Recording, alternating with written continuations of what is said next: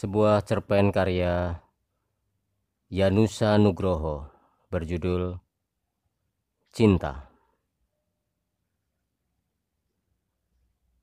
Tukang mie dok-dok sudah ada di tikungan jalan. Sesekali bunyi dok-doknya yang khas itu memecah kesunyian. Kami masih saja terdiam. Aku terdiam. Dira istriku juga terdiam. Baru kali ini kusadari benar, manakala mulut tertutup, pikiran kita melonjak-lonjak oleh gelombang kata-kata yang ingin keluar. Sejak kuucapkan semuanya, segalanya yang ada di dalam benakku, kira-kira sejam yang lalu, mulailah semuanya terkuak. Tadi aku cuma bilang bahwa di kantorku ada seorang perempuan cantik bernama Ella Terus kenapa? Tanyanya ketus. Ndak apa-apa. Jawabku kalem. Cantik ya? Cantik sekali, kayak Tamara Blesinski. Iya, terus Mas naksir. Hmm, kok gitu sih? Kok gitu gimana? Apa salah kalau aku bilang begitu? Wong aku cuma bilang si Ella cantik. Kok bicaramu sengak begitu? Kataku mulai panas. Mas juga gitu sih. Aku kan cuma bilang mas naksir. Kok tersinggung? Kamu kenapa sih, Ma? Memangnya aku kenapa? Jawabnya dengan nada tinggi. Sadar ndak sih kalau akhir-akhir ini kamu selalu sengak sama aku? Setiap ucapan kamu tanggapi dengan sinis. Kok bisa-bisanya ngomong gitu? Mas, gak merasa ya kalau sudah mulai membanding-bandingkan? Yang sana lebih cantik lah, bibirnya lebih seksi lah, betisnya lebih indah lah. Apa coba kalau bukan ingin yang enggak-enggak? Siapa yang punya pikiran seperti itu? Siapa yang punya ucapan seperti itu? Mah, aku capek. Hari Minggu pun aku harus lembur. Apa mas pikir saya nggak capek? Apa dikira seharian kerja saya cuma pegang lipstick dan naburin bedak begitu? Aku nggak bilang begitu. Tapi kata-kata mas kan nadanya begitu. Sekarang ini kalau Iem pulang kampung, siapa yang nyuci? Siapa yang nyetrika, nyapu, ngepel? Emas yang ngerjakan. Oh, kamu protes. Mentang-mentang gajimu lebih besar daripada aku, gitu. Kalau nyatanya begitu, kenapa dipersoalkan?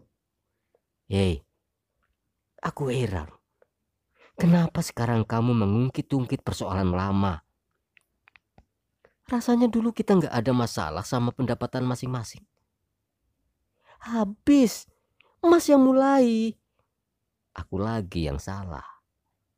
Eh, sebaiknya kamu jujur saja.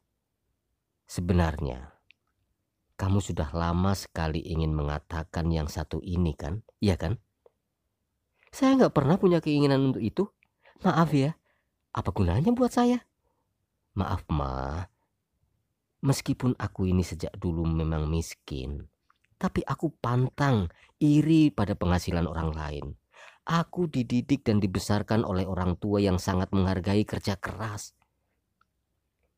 Apa orang tuaku membesarkan anak-anaknya cuma dengan uang korupsi? Maaf, itu bukan urusanku. Jadi jangan bawa-bawa orang tua dong. Mereka manusia yang tak segan banting tulang. Tapi orang tuaku tak mau menerima komisi. Soal itu, soal itu sih keberuntungan masing-masing orang dong. Ini bedanya antara keluargamu dan keluargaku. Kami tidak mau dan kami jelas-jelas menolak apa yang namanya pemberian itu kalau enggak jelas-jelas sebagai upah keringat kami. Mas, meskipun besar di tengah kemewahan, aku bukan pemuja uang. Aku sudah terbiasa menghadapi uang banyak. Jadinya aku nggak canggung menghadapinya atau silo melihat setumpuk uang. Pikiranmu aneh. Apa kamu anggap orang miskin itu silo melihat uang? Manusia nggak bisa dilihat dari situ, Ma. Tapi kebiasaanlah yang membentuknya. Biasa cukup. Nggak akan serakah karena nggak pernah kekurangan. Dia akan hidup tenang tanpa perlu mati-matian mencari lagi. Tapi bukan berarti orang yang kekurangan itu selalu berpikir yang enggak-enggak dong. Dia biasa pas-pasan. Jadi nggak berpikir untuk berlebihan. Ah, teori. Memang begitu logikanya. Isapan jempol. Mana ada manusia yang kepengen miskin terus. Tapi Kenapa orang yang sudah kaya nggak pernah merasa cukup? Dan itulah yang kamu pikirkan terus. Selalu kurang, kurang, nggak pernah merasa cukup. Tapi nyatanya kita ini kan masih harus nyicil rumah, nyicil mobil, bayar telepon, listrik, kartu kredit, uang sekolahnya si Tita dan Rona, uang jajannya, sumbangan. Apa salah kalau aku nyari tambahan? Boleh. Tapi jangan dengan cara yang salah. Salah bagaimana? Iya. Di mataku cara mama itu salah. Yang benar itu bagaimana? Gak tahu. Aku cuma bisa merasakan bahwa seandainya cara kamu itu betul, aku gak merasa seperti sekarang ini. Loh, itu kan dari sisi Mas. Mengapa Mas tidak tanya bagaimana Mas di mata saya? Kurasa kamu mulai menggeser persoalan. Menggeser bagaimana? Aku nggak ngerti deh. Makin lama kita saling mengenal kok rasanya makin jauh aja sih. Anehnya, aku juga berpikir begitu. Setiap pembicaraan selalu menimbulkan sengketa. Kalau begitu, salah satu harus diam saja. Begitu. Terserah. Tapi kita harus saling terbuka untuk mengungkapkan yang sebenarnya yang kita pikirkan. Baik. Terus terang, saya kecewa karena saya tidak bisa berangkat ke Singapura. Oh, tapi itu kan keputusan mama sendiri. Betul. Tapi Mas yang membuat saya mengambil keputusan itu. Mas tidak mengatakan apa-apa, namun sekaligus tidak menyetujuinya. Aku setuju saja. Iya, dengan setumpuk penilaian negatif kalau saya jadi berangkat. Tapi kan memang susah dong. Kalau kamu jadi berangkat selama enam bulan, terus siapa yang ngurus rumah? Itulah yang aku maksudkan. Seharusnya nggak usah ngomong gitu kalau Mas benar-benar mendorong karirku. Jadi sebenarnya Mama mengelak mengurus rumah. Hina yang mengurus rumah. Eh, selama ini siapa yang ngurusin rumah? Coba siapa? Tapi kan kepergian itu bukan hal yang penting kan? Lantas mengapa pimpinan menyuruh saya yang berangkat? Iya, tapi mengapa kamu? Itu yang jadi persoalan. Mas, gak usah punya pikiran macam-macam deh sama Doni. Dalam hal ini, dia adalah pimpinanku dan aku adalah pegawainya. Apa ndak ada yang lain? Apa mesti kamu? Sebenarnya cemburu ya? Jangan kayak anak kecil dong. Doni sama aku sudah nggak ada apa-apa lagi. Itu dulu. Memang gampang sih. Kalau kita ini mau berkilah. Kalau benar-benar terjadi, paling-paling cuma bilang, maafkan. Kalau Mas cemburu sama Doni, mengapa saya tidak boleh cemburu sama Ella? Loh, Ella sama aku nggak ada apa-apa. Ya sudah, kenapa tersinggung? Siapa yang tersinggung? Aku cuma bilang, mengapa kamu merasa dibanding-bandingkan? Aku cuma bilang, Ella itu ayu banget, titik. Kalau sekarang aku bilang Doni itu sebenarnya gentleman, bagaimana perasaan mas? Gentleman apaan? Gentleman kok nggak kawin-kawin? Tuh kan, nada bicaranya tinggi sekali. Dia masuk kamar. Mie dok-dok tadi belum lewat juga. Mungkin masih dibeli orang. Aku masih saja sendirian. Dira sudah masuk kamar sambil menyimpan marah. 15 tahun ku dampingi dia mengarungi hidup ini. Dan inilah pertengkaran kami yang pertama dan terhebat selama ini. 15 tahun. Mungkinkah ini Dira yang kupacari dulu? Atau mungkinkah ini adalah aku yang selalu dipeluk-peluknya selama masa pacaran dulu?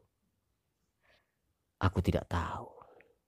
Rasanya sudah berulang kali kami mengalami bulan madu, sementara anak-anak kami tumbuh menjadi remaja. Tanpa bicara, kami pun sudah saling mengerti. Apabila dia mengenakan gaun tipis bergambar bunga di dadanya, artinya kami akan menikmati irama asmara malam itu. Dan setiap kali aku masih saja merasakan degupan jantung yang sama. Kutunggui mie dok itu, tak juga muncul. Akhirnya aku tertidur di beranda. Menjelang subuh, aku memberanikan diri masuk kamar. Dira tidak mengunci pintu kamar.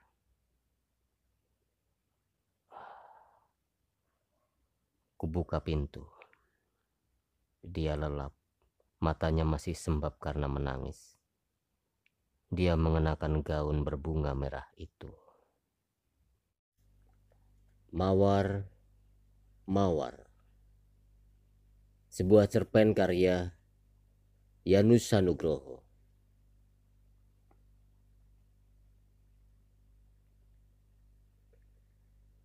Ketika kutanamkan kuntum mawar ini ke tanah, ada perasaan aneh yang menggempur habis sanubariku. Seolah aku harus melakukan sesuatu yang selama ini menjadi pertentangan dalam diriku sendiri. Seakan tadinya aku tak mengendaki kuntum ini tumbuh. Lalu entah bagaimana akhirnya kutanam juga kuntum mawar merah ini. Jangan. Tiba-tiba suara istriku berusaha menahanku. Tetapi jelas sia-sia karena tanah sudah mengubur mawar ini. Dia terdiam ketika disaksikannya mawar itu sudah tertanam rapi dengan bunganya yang merah menyala. Kenapa? Tanyaku berusaha lembut. Nanti mati lagi. Sudah berapa kali kau berusaha menanam mawar di halaman rumah kita? Tapi mati terus. Apa tidak jerah? Apa tidak sadar bahwa itu sama saja artinya dengan memenggal kehidupan bunga-bunga mawar itu? Cecarnya dengan nada amarah yang agak tertahan. Dia manis sekali jika sudah marah seperti itu. Tak kusangka bahwa perasaannya demikian lembut. Jangan didramatisir begitu dong. Ini kan cuma mawar, bukan manusia. Masa pakai kata memenggal segala? Jawabku sekenanya. Ah, dasar laki-laki ucapnya sambil bergegas masuk rumah lagi. Aku ditinggalkannya sendirian lagi di halaman rumah yang tak seberapa luas ini. Memang, sudah beberapa kali aku berusaha menanam mawar di halaman ini, namun tak satu pun yang hidup. Yang pertama kali adalah ketika kami pindah ke rumah ini. Seminggu setelah kami menikah, kami pindah ke rumah kecil ini. Lalu setiap hari, sepulang kerja atau di hari Sabtu dan Minggu, kami sibuk berbenah, mengatur barang-barang, menggantung foto-foto, dan juga mengasrikan halaman kecil ini, termasuk menanaminya dengan mawar merah. Aku suka mawar merah, entah mengapa. Ketika ada penjual bunga lewat dan dia membawa beberapa batang mawar, ku beli semuanya. Lalu ku tanam berjajar, tak jauh dari pintu keluar. Istriku bahagia sekali menyaksikan rumah mungil kami berbunga merah menyala. Maka kami pun berhayal, bunga-bunga itu kelak akan menjadi saksi cinta kasih kami yang bisa dinikmati anak-anak kami nantinya. Akan tetapi, bunga itu layu. Hanya seminggu setelah kutanam. Daun-daunnya menyoklat, kering, dan akhirnya rontok sehelai demi sehelai. Mahkota bunganya yang merah itu pun tak berbeda nasibnya. Akhirnya dengan kesal ku cabut batang mawar itu dan ternyata memang tak ada akarnya. Kukutuki penjual mawar yang sejak saat ku beli itu tak pernah menunjukkan batang hidungnya lagi. Berhari-hari kekesalanku belum hilang juga. Agaknya istriku pun kecewa. Beberapa hari kemudian, ada penjual bunga lewat depan rumah. Mula-mula aku berusaha tak acuh namun godaan mawar merah yang dibawa dalam pikulannya itu menjebol keangkuhanku. Ku beli sepuluh batang mawar dan kutanyakan apakah semuanya berakar. Si penjual tak berkata apa-apa dan langsung membuka bungkus plastik yang berisi tanah dan akar mawar itu. Aku puas dan berharap kali ini tak akan gagal lagi. Dikasih pupuk kandang pak Pesan si penjual sebelum meninggalkan rumahku Ku ucapkan terima kasih Dan aku pun segera menggali tanah bagi bayi-bayi merahku itu Ku tanam mereka dengan harapan baru Mimpi baru Hayalan baru tentang mereka Lantas buru-buru aku ke kampung belakang kompleks dan mencari kotoran kerbau. Tak kuhiraukan orang-orang yang terheran-heran menyaksikan bagaimana tai kerbau itu kurau pakai tanganku. Tentu saja ku lapisi kantong plastik dan kumasukkan ke kantong plastik yang lain. Dua kantong penuh tai kerbau ada di tanganku. Ku tebarkan semuanya di sekeliling mawar-mawarku dengan doa dan harapan agar mawar-mawar ini mau hidup. Seminggu berlalu dan mereka masih segar bugar. Kami berdua berpelukan mesra. Bahkan kulihat mata istriku berkaca-kaca bahagia. Seandainya nanti bisa juga disaksikan anak-anak kita ya mas. Bisiknya melankolis. Aku hanya ngakak. Tetapi ku akui ada siraman segar dalam jiwaku. Akan tetapi, pada akhir minggu kedua, mulailah tanda-tanda kematian mewarnai mawar-mawar itu. Dimulai dari kelopak mahkota, lalu daun, dan akhirnya batang. Mawar-mawar itu sekarat dan mati satu demi satu. Kutatap batang-batang coklat sekarat yang meranggas kehitaman itu dengan berang Lalu bagai kesetanan ku cabuti semuanya. Ku lempar-lemparkan ke segala penjuru sampai tak tersisa lagi kecengkelan di hatiku. Seusai itu aku terduduk kelelahan di tanah becek berbau tai kerbau ini.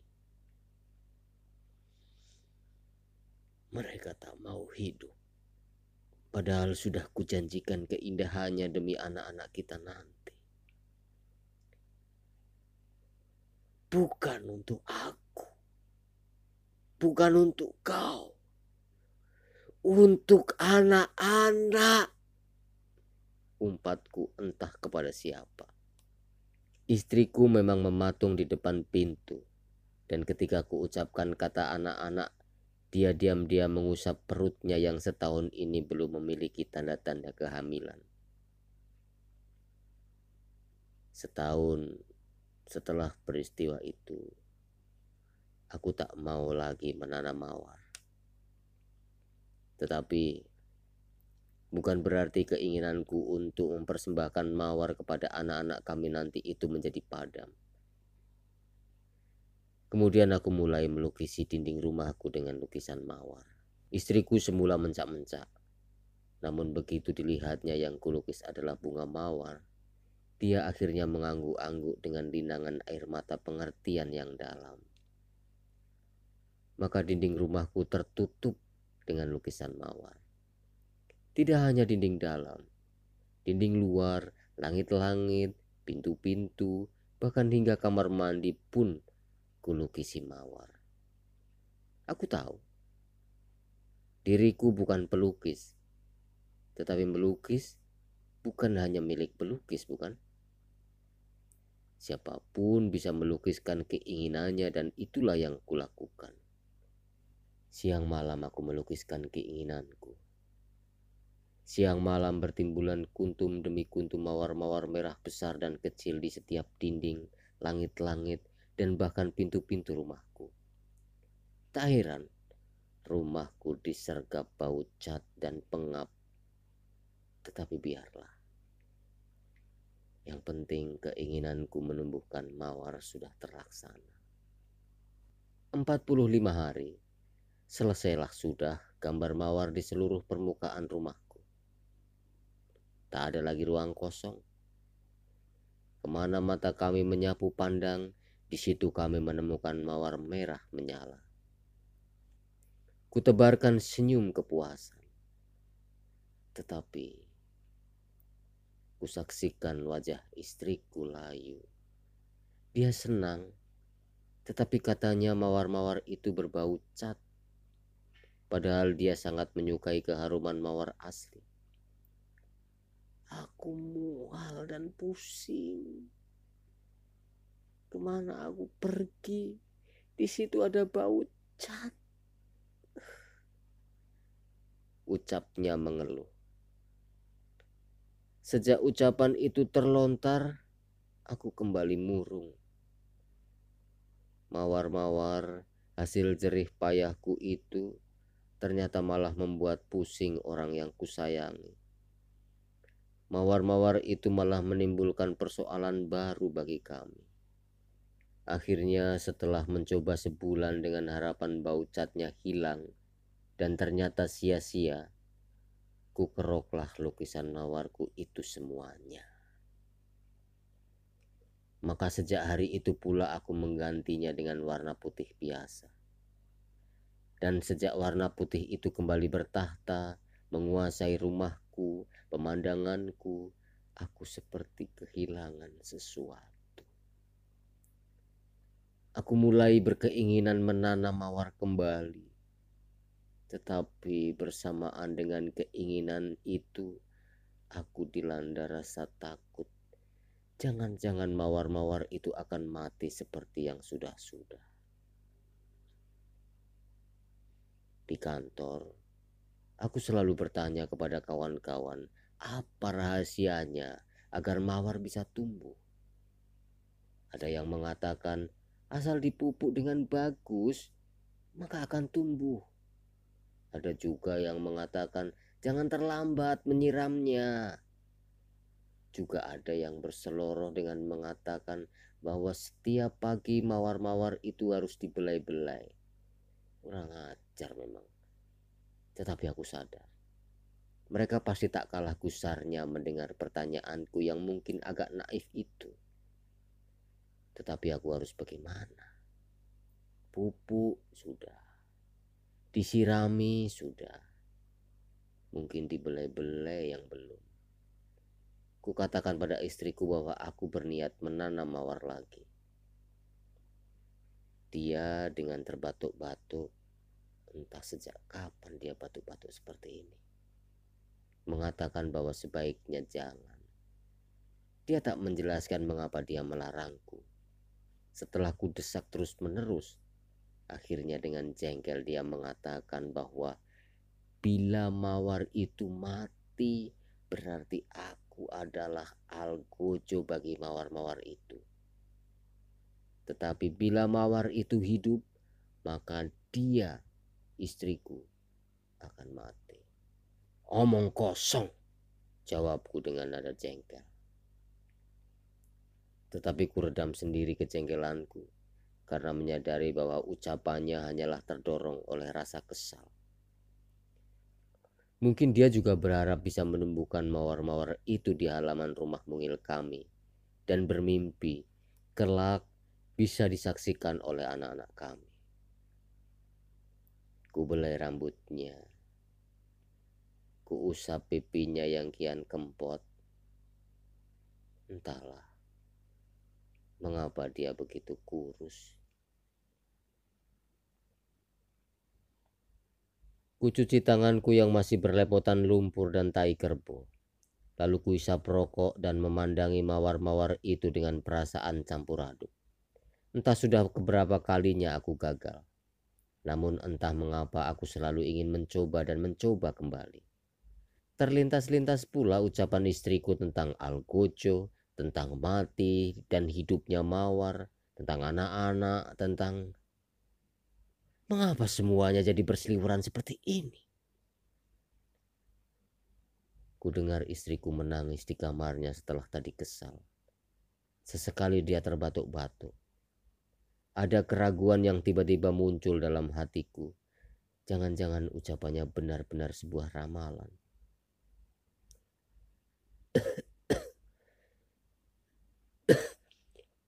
Bila mawar itu tumbuh Berarti aku yang akan mati. Itu terus yang mengiang-iang di telingaku. Terus terang juga, aku agak tidak percaya akan hal-hal tahayul seperti itu. Mana mungkin mawar bisa setara dengan nyawa manusia? Tidak ada itu. Mawar adalah mawar dan bukan si malakama atau si melekete. Malamnya batu istriku menjadi jadi. Dia sampai terbungkuk-bungkuk. Ku gosok dada dan punggungnya dengan minyak kayu putih agar sedikit hangat. Reda sebentar batuknya, namun kambuh lagi sampai menjelang pagi. Tanpa pikir dua kali ku bawa dia ke dokter. Dokter memberikan pengantar agar istriku mendapat perawatan inap di rumah sakit. Tak pikir panjang lagi, kularikan dia dengan taksi ke rumah sakit. Di sana dia terbaring sambil menunggu hasil laboratorium dan foto ronsen. Karena tidak boleh ditunggui, maka aku pun pulang. Di rumah, aku tak bisa tidur. Kupandangi mawar-mawar yang masih segar bugar itu Bahkan bisa kusaksikan kelopak merahnya menyimpan bulir-bulir air bening sisa hujan yang turun sore tadi. Kuperhatikan lagi. Ternyata di batangnya telah muncul pupus-pupus daun muda. Di sini, di sana, dan di hampir setiap batang mawar itu mulai terubus dengan tanah gembur bertai kerbau ini. Dan, oh Tuhanku, pada salah satu batang mawar. Bahkan sudah kulihat kuncup bunga kecil yang mungkin dalam beberapa hari lagi akan mekar. Aku jadi ingat Al-Halaj sesaat ketika dia akan dipancung. Dia menorehkan darahnya sendiri ke pipinya sambil berkata, Aku ingin menghadapnya dengan kuntum mawar meronai wajahku. Ah, itu pernah kami pentaskan semasa aku dan istriku kuliah dulu. Dulu sekali. Entah mengapa aku menjadi bahagia sekali. Sampai-sampai mataku menghangat oleh air mata haru.